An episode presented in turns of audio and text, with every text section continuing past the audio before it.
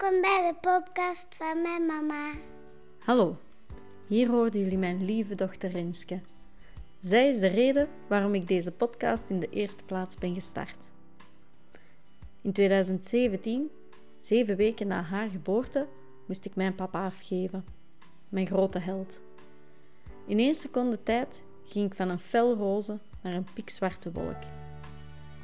Mijn reis door de rauwe rouw ging met veel vallen, maar nog net iets meer terug opstaan. Hier vertel ik jullie heel graag, heel eerlijk en puur, over mijn struggles en inzichten tijdens deze rollercoaster.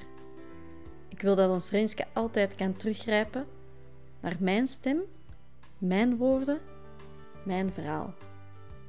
Luister mee naar mijn reis door de rauwe rouw.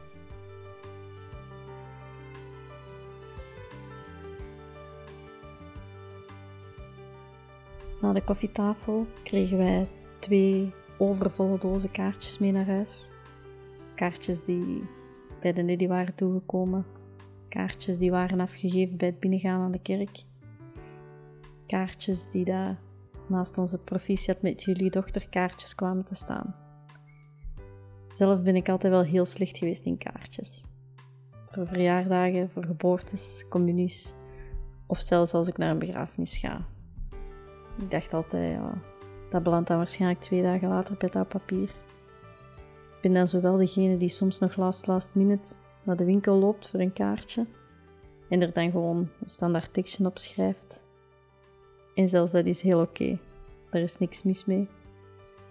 Maar toen dat ik zag hoeveel kaartjes dat er waren om ons steunende woorden te bieden, ben ik daar eigenlijk wel wat in veranderd. Want een kaartje krijgen, dat is iets kleins, maar wel ontzettend fijn en vol met steun. Maar ik schrok er toch ook wel van dat er zelfs mensen zijn die dat we misschien zelfs niet zo goed kennen, toch de moeite namen om een kaartje in de bus te komen steken. Zo was er echt een kaartje bij dat, mij, dat er bij mij heel hard uitsprong. Het was uh, een kaartje van de mama, van de vrouw, van een vriend van Paul. Dus dat is best wel ver. En heel goed kennen, kenden zij en ik elkaar niet. We hadden elkaar zo wel af en toe eens gezien, maar dat was dan ook. Want zij kende vooral Paul. Maar toch had zij een kaartje in de bus gestoken voor het overlijden van mijn papa. Ik weet dat ik zelfs nog een tijdje aan het zoeken ben geweest van wie dat kaartje kon zijn. Maar door wat dat zij erop schreef, was het wel duidelijk dat zij wist waarover dat ze sprak.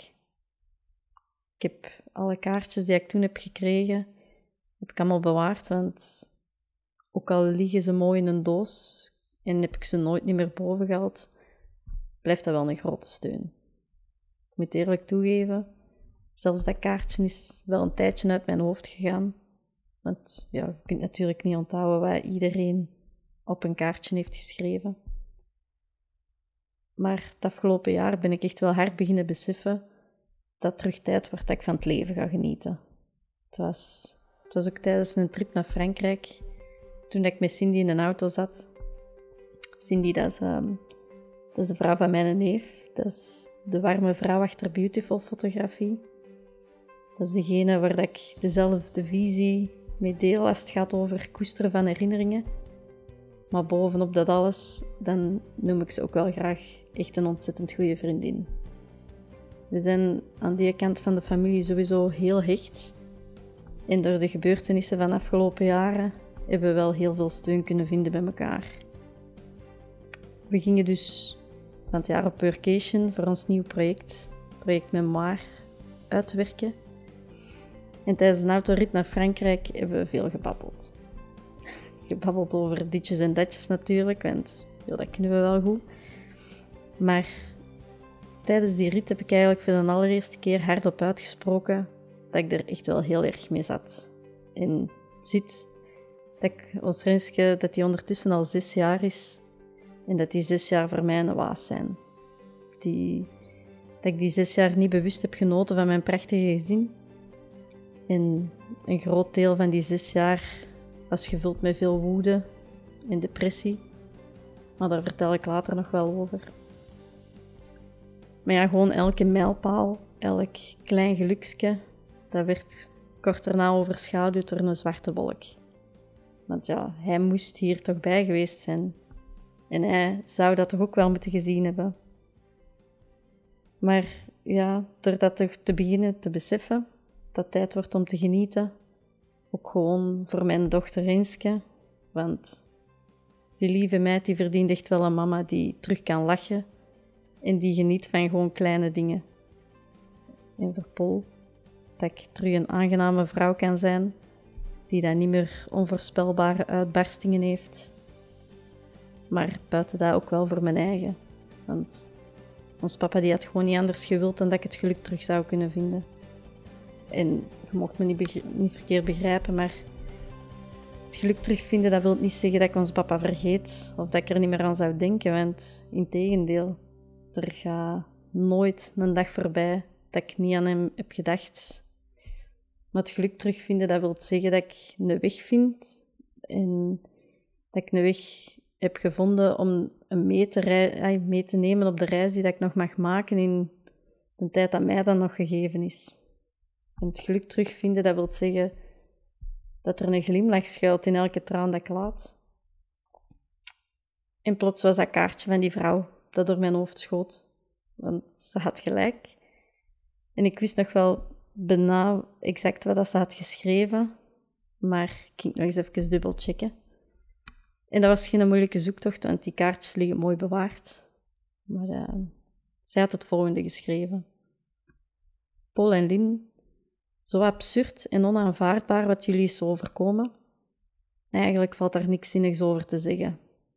Maar geloof mij, er komt een tijd dat je uit de herinneringen aan hem kracht kunt halen. En er komt een tijd dat je kunt glimlachen als je aan hem denkt. Het zal lang duren, maar die tijd komt er echt. Ondertussen wens ik jullie heel veel sterkte. Zoek steun bij de mensen om je heen. Veel liefs. En dat klopt. ik neem hem mee in alles wat ik doe. Zo neem ik hem ook mee in Atelier Memoro. De mensen die dat weten, die weten dat. De mensen die dat niet weten, die weten het niet. Maar in alle kleinste details gaat ons papa meereizen in heel de weg die Atelier Memoro aflegt. Vorig jaar voelde ik dat ik er echt klaar voor was om mensen te helpen in hun rouwproces. Al is het maar gewoon een klein sprankeltje troost dat kan bieden, dan ben ik al ongelooflijk blij dat ik dat voor iemand kan doen. En sinds vorig jaar durf ik ook oprecht te antwoorden dat het goed met mij gaat. En dat het goed met mij gaat, dat wil niet zeggen dat ik geen slechte dagen meer heb want die blijven er zijn. Maar die laat ik ook gewoon toe dan. Want terwijl ik tot vorig jaar er niet graag aan toe gaf, dan plande ik meestal de dag zo vol of ik zorgde dat ik ook gewoon geen tijd had om verdriet toe te laten. Maar dat mondde dan uit in een ontzettend kort lontje met een hoop geroep er dikwijls nog bij. En eigenlijk zou je dan eens goed moeten kunnen schreeuwen in een bos. Ik heb dat nooit gedaan, maar had misschien wel deugd kunnen doen. En zo pas had ik nog een dag dat ik echt niet vooruit geraakte. Want soms, het is heel soms. En dat sluipt er geleidelijk aan naar binnen. Maar plots kan het mij overvallen. En op die dagen dan kan ik de tranen niet tegenhouden. Op die dagen wil mijn lichaam ook gewoon niet meer mee. Die dagen, ze komen niet zo heel vaak meer voor. Maar soms zijn er van die dagen.